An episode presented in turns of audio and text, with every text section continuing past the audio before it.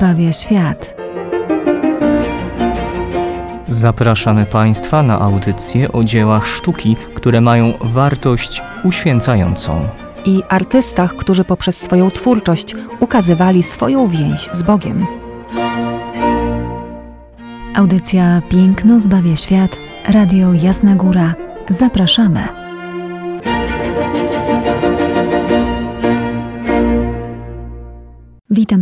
Bardzo serdecznie w kolejnej audycji z cyklu Piękno zbawia świat. E, dziś poznamy wyjątkowe i niezwykle misterne dzieło sztuki, a jednocześnie obiekt przeznaczony do kultu. Dzieło zarówno malarskie, jak i rzeźbiarskie, choć zasadniczo przedstawiające obiekt architektoniczny, a jednocześnie ze względu na swe niewielkie rozmiary, mieszczące się w kategorii rzemiosła artystycznego. No, myślę, że bardziej tajemniczo i enigmatycznie już chyba nie mogło być, dlatego czym prędzej śpieszę z wyjaśnieniem. Będziemy dziś omawiać pokryty malowidłami niderlandzkiego malarza niemieckiego pochodzenia Hansa Memlinga relikwiarz świętej Urszuli. Obecnie relikwiarz ten znajduje się w Brugi, w Muzeum Hansa Memlinga. Jest to niewielka skrzynia o rozmiarach 87 na 33 i na 91 cm z pozłacanego i pokrytego malowidłami drewna. To tłumaczy, dlaczego będziemy mieć do czynienia z dziełem malarskim i rzeźbiarskim. Dlaczego wplotła nam się tutaj również architektura? Ponieważ relikwiarz ten ma kształt niewielkiej, jednonawowej świątyni z dwuspadowym dachem. Można byłoby jeszcze dodać, że to świątynka gotycka, a nawet e, późny gotyk, sądząc po pojawiających się tutaj masferkach. Obrazy znajdują się na jej dachu i na wszystkich bokach. Całość jest ozdobiona detalami charakterystycznymi no właśnie dla późnego gotyku, czyli pinaklami, statuami, niszami. Ten kształt może nam również przypominać kapliczkę, bo jak wspomniałam, jest to niewielka świątynka. Ponieważ wszystkie relikwiarze, jakie wykonywano w tych czasach, mieściły się w kategorii rzemiosła artystycznego jako przedmioty niewielkie, ale niezwykle misterne, do wykonania których zatrudniano najlepszych i najbardziej znanych artystów. Ważne było również to, że przeznaczone one były do kultu, a więc umieszczano je w kościołach czy kaplicach. Podobnie właśnie z naszym relikwiarzem, który przez tę właśnie kategorię zostaje zakwalifikowany również i do rzemiosła artystycznego. Dlatego, no, patrząc tak naprawdę na to niewielkie dzieło sztuki, możemy mówić i o malarstwie, i o rzeźbie, i o pozłotnictwie, o architekturze, bo w końcu ją przedstawia, jak również i o rzemiośle artystycznym, które się wówczas rozwijało. Relikwiarz został wykonany na zamówienie szpitala świętego Jana z Brugi. W jego wnętrzu miały zostać złożone relikwie 11 tysięcy dziewic oraz kilka innych przedmiotów przywiezionych z Ziemi Świętej. Tutaj, aby wyjaśnić to zagadnienie, jesteśmy zmuszeni zagłębić się choć na chwilę w żywot świętej Urszuli, spisany w XIII wieku w złotej legendzie Jakuba de Voragine, który zrelacjonował tę legendę oraz męczeństwo świętej Urszuli i jej 11 tysięcy towarzyszek. E, o czym mówi e, legenda? Legenda rysuje nam właśnie tło całego wydarzenia. Mówi o tym, że święta Urszula, która żyła w IV wieku, była córką króla brytyjskiego, a poniosła śmierć męczeńską w kolonii. Fakt ten wydaje się być udokumentowany historycznie, ponieważ zachowały się informacje o męczeńskiej śmierci pewnej liczby dziewcząt w kolonii za czasów prześladowania chrześcijan w okresie panowania Cesarstwa Rzymskiego. E, jeśli chodzi o samą legendę, istnieje wiele jej wersji, Głosi ona ogólnie mówiąc, że Urszula miała zostać żoną pogańskiego księcia, ale postanowiła zachować dziewictwo i dlatego też uciekła na kontynent wraz z jedenastoma towarzyszkami. Wraz z nimi miało wypłynąć do Europy 11 tysięcy dziewic. Mało to wiarygodne, żeby taka flota miała towarzyszyć e, Urszuli, i najprawdopodobniej jest to błąd wynikający z tłumaczenia skrótu. O co chodzi? Otóż rzymskie 11 i łacińskie MV no, rzymskiej cyferki 11 tłumaczyć nie trzeba, bo cyfry rzymskie oczywiście funkcjonowały, ale samo M tłumaczono jako milla, czyli tysiące, a nie jak miało to być przetłumaczone, czyli M od martyres, czyli męczennice. No, gdybyśmy się pokierowali właśnie tym wyjaśnieniem, to towarzyszek Urszuli było 11, a nie 11 tysięcy. No niestety to mylne tłumaczenie funkcjonowało przez całe średniowiecze i jakiś również czas y, w sztuce nowożytnej, czego wynikiem jest również i nasz relikwiarz. Y, podróżniczki według legendy przypłynęły Renem do kolonii, później udały się na pielgrzymkę do Rzymu, stamtąd powróciły do kolonii, która oblegana była wówczas e, przez plemię Hunów. Nie chciały się jednak oddać barbarzyńcom, a sama Urszula nie chciała zdecydować się na małżeństwo z ich wodzem, w wyniku czego poniosły męczeńską śmierć. Taką też śmiercią zginęła sama święta Urszula. Hunowie zostali pokonani, a ciała męczennic zostały pochowane w mieście. Do tego właśnie motywu, tej znanej legendy opisywanej przez Jakuba de Voraginę, odwołał się właśnie Hans Memling. Zanim jednak przejdziemy do omawiania samych scen z naszego relikwiarza, może kilka słów właśnie o naszym artyście. Hans Memling to artysta, z którym mieli Państwo już do czynienia, ponieważ wraz z siostrą Aleksandrą omawiałyśmy jego obraz olejny Dawid i Batrzeba. Dla przypomnienia dodam zatem, że to malarz niemieckiego pochodzenia, działający na terenie Niderlandów. Mamy więc do czynienia z malarstwem północy. Często malował on techniką olejną na desce i również nasze dzieło wykonane jest właśnie w tej e, technice. Prawdopodobnie malarstwa uczył się w Kolonii i u Rogera van der Weydena w Brukseli. Od 1465 roku pracował w Brugi. Pamiętamy, że nasze dzieło powstało na zamówienie szpitala świętego Jana w Brugi właśnie. W Brugi Memling został członkiem gildii świętego Łukasza, Zamieszkał wówczas w dzielnicy artystów i rzemieślników, gdzie spotykały się tak naprawdę wszystkie zawody artystyczne, przez co nasz malarz był w ciągłym kontakcie m.in. z iluminatorami ksiąg. Brugia była zresztą miastem, w którym kwitła sztuka iluminacji ksiąg, co z całą pewnością miało znaczenie i promieniowało na artystów, zwłaszcza takiej rangi jak nasz mistrz. Dlaczego to jest takie ważne? Dlaczego te iluminacje ksiąg e, tutaj nam się pojawiają? Ponieważ Hans Memling nie był miniaturzystą. E, większość obrazów, które namalował, to obrazy wielkoformatowe. Ta niewielka świątynka, relikwiarz, jest jednym z niewielu właśnie takich zminiaturyzowanych e, dzieł sztuki, które wykonał.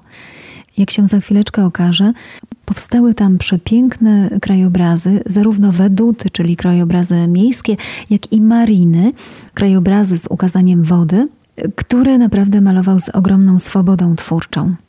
Oczywiście e, Memling zdołał wypracować swój własny styl, widoczny także i w naszym dziele. Jego obrazy nacechowane są liryzmem, spokojem, E, prawdziwie czystym i harmonijnym kolorytem oraz wyjątkowo miękkim modelunkiem. Popadł też w manierę, po której dziś w taki dość łatwy sposób rozpoznajemy jego obrazy, choć większość z nich jest sygnowana. To jednak ich rozpoznawanie bez spoglądania na sygnaturę e, nie jest wcale takie trudne. Ta maniera polegała na znacznym wysmuklaniu ciał postaci. Jego postacie są właśnie takie pełne gracji, bardzo smukłe. No i oczywiście wielość szczegółów to także e, cecha, po której rozpoznajemy jego obrazy, i tutaj niezależnie od tego, czy są wielkoformatowe, czy też mają taką zminiaturyzowaną formę. Właśnie ta drobiazgowość, ta sztuka szczegółu to również coś, e, co ceniono u Memlinga, który bardzo chętnie tworzył właśnie głównie tematy religijne, choć e, w jego dorobku znajduje się, znajduje się także wiele portretów. Jeśli chodzi o nasz relikwiarz świętej Urszuli, jest on jednym z jego ostatnich dzieł. Widzimy tutaj efekt dojrzałego stylu artysty. Relikwiarz jest datowany, o czym wspomniałam, 1489 rok to e, data jego powstania i nie jest sygnowany przez artystę. To jedyne dzieło sztuki, którego Hans Memling nie podpisał. Nie mamy jednak żadnych wątpliwości, że ta drewniana skrzynka ozdobiona scenami z życia świętej Urszuli i innymi miniaturami jest właśnie jego autorstwa. Pięć lat po skończeniu tej pracy Hans Memling umrze, dokładnie 11 sierpnia 1494 roku i zostanie pochowany również w Brugi na cmentarzu kościoła Saint-Gilles. Sam relikwiarz pozostaje zatem, jeśli chodzi o styl malarski, testamentem artysty, w którym zawiera on perfekcyjnie wypracowane sceny, umiejscowione według zasad perspektywy w realnym krajobrazie. A zatem przejdźmy już do omówienia scen namalowanych na naszej miniaturowej świątynce.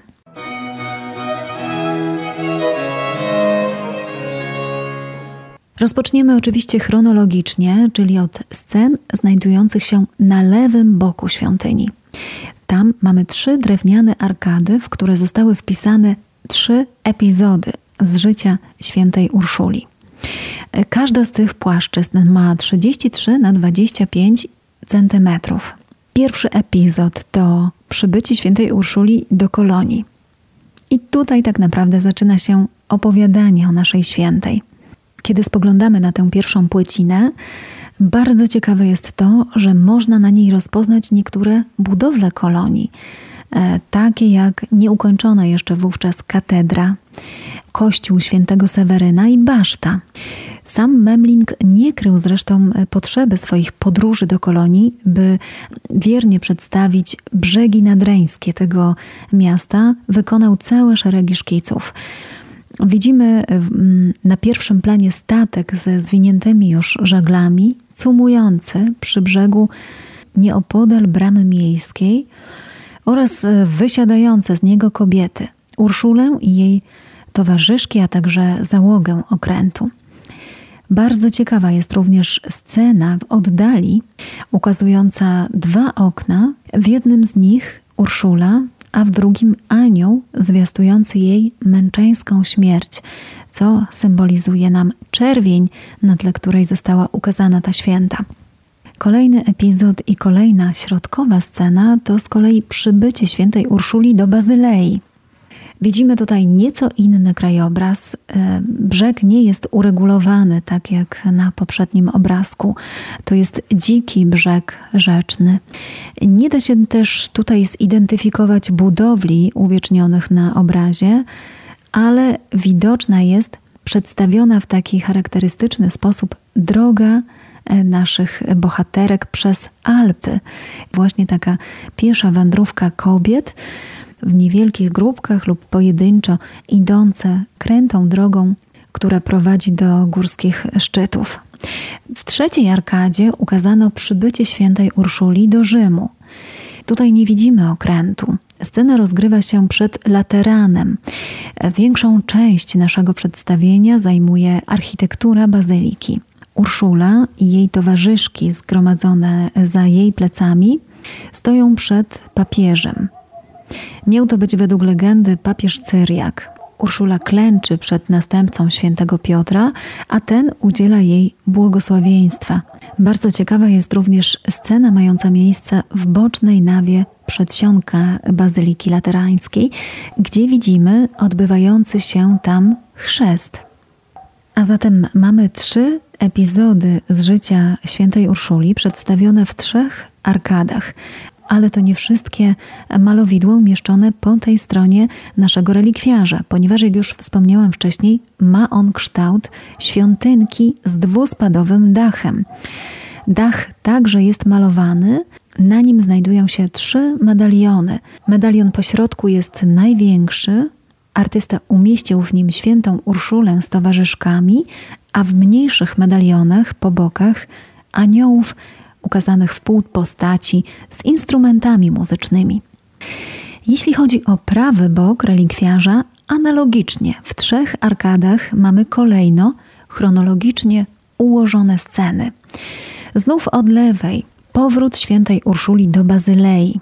Święta przypływa statkiem razem z papieżem, którego rozpoznajemy po potrójnej koronie i wraz z kardynałami w czerwonych kapeluszach, którzy właśnie według legendy przybyli z nią, aby jej strzec. Urszulę rozpoznajemy po stroju, który jest identyczny na wszystkich tych przedstawieniach. Tym razem została ukazana ze złożonymi rękoma. Cała świta Urszuli zgromadzona jest na jednym pokładzie, który przybija do brzegu, a więc zmienia się nieco nam w tym momencie perspektywa patrzącego, który obserwuje scenę stojąc na brzegu. Epizod zamknięty w środkowej arkadzie to już męczeństwo dziewic. Zanim jeszcze towarzyszki Urszuli zdołały wyjść na brzeg ze swych łodzi, zostają zaatakowane przez Hunów. Hunowie zabijają dziewice strzałami z łuków i kusz, a także ciosami mieczy. Dwóch oprawców z wymierzonymi do kobiet strzałami odwróconych jest do nas tyłem.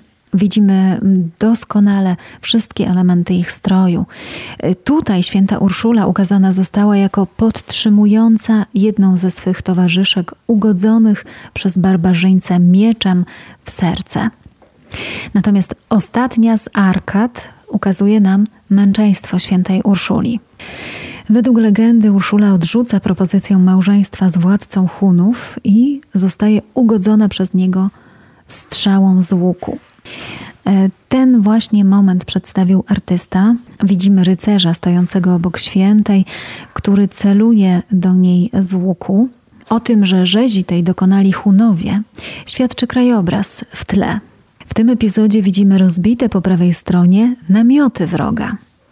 Przed nimi tłum wojowników, no i stojąca na pierwszym planie, pogodzona z losem, święta Urszula, o której czystości i wierności wobec Boga świadczy leżący na ziemi tuż pod jej stopami niewielki biały piesek.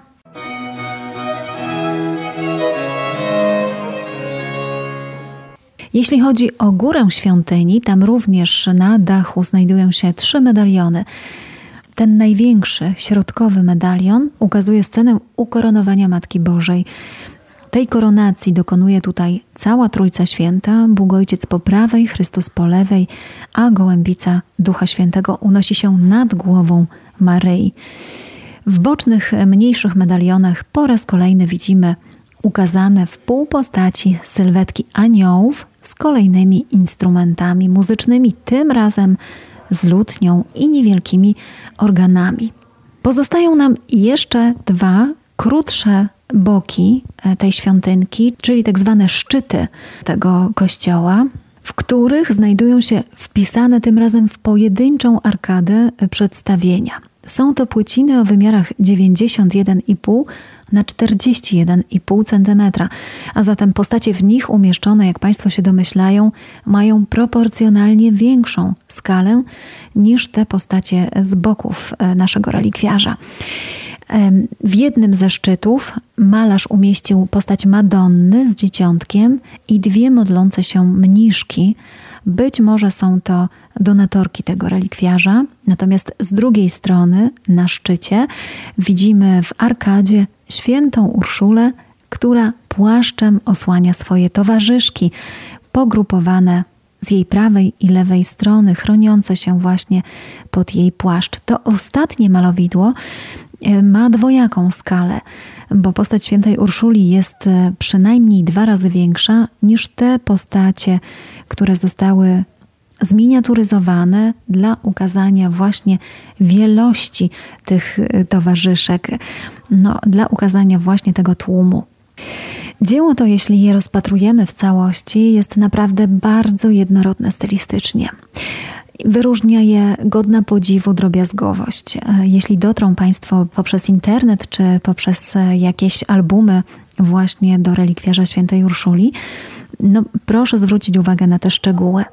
Memling na pewno nagłówkował się, jak namalować tłum kobiet mający oddać 11 tysięcy dziewic ale wybrnął z tego, jak możemy zauważyć, ukazując właśnie ciasno umiejscowione obok siebie i poszeregowane kolejne głowy o coraz mniejszej średnicy.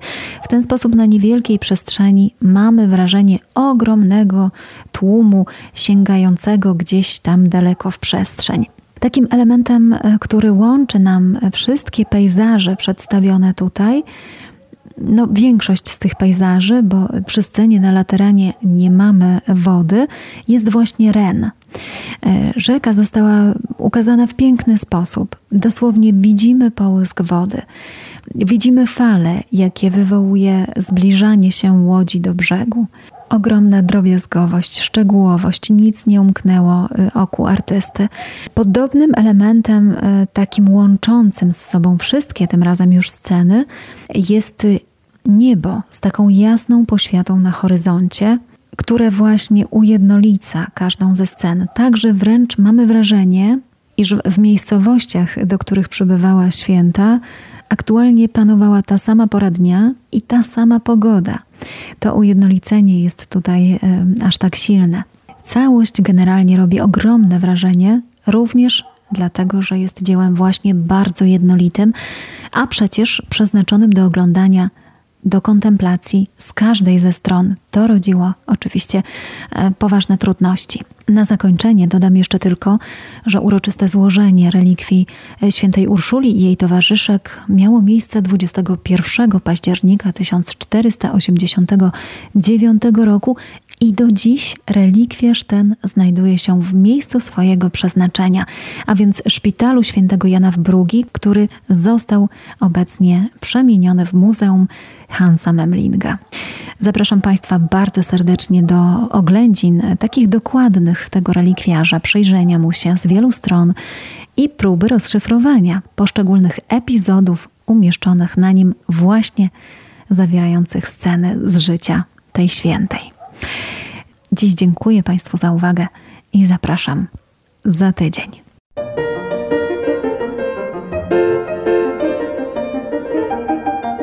Piękno zbawia świat. Zapraszamy Państwa na audycje o dziełach sztuki, które mają wartość uświęcającą. I artystach, którzy poprzez swoją twórczość ukazywali swoją więź z Bogiem. Audycja Piękno zbawia świat. Radio Jasna Góra. Zapraszamy.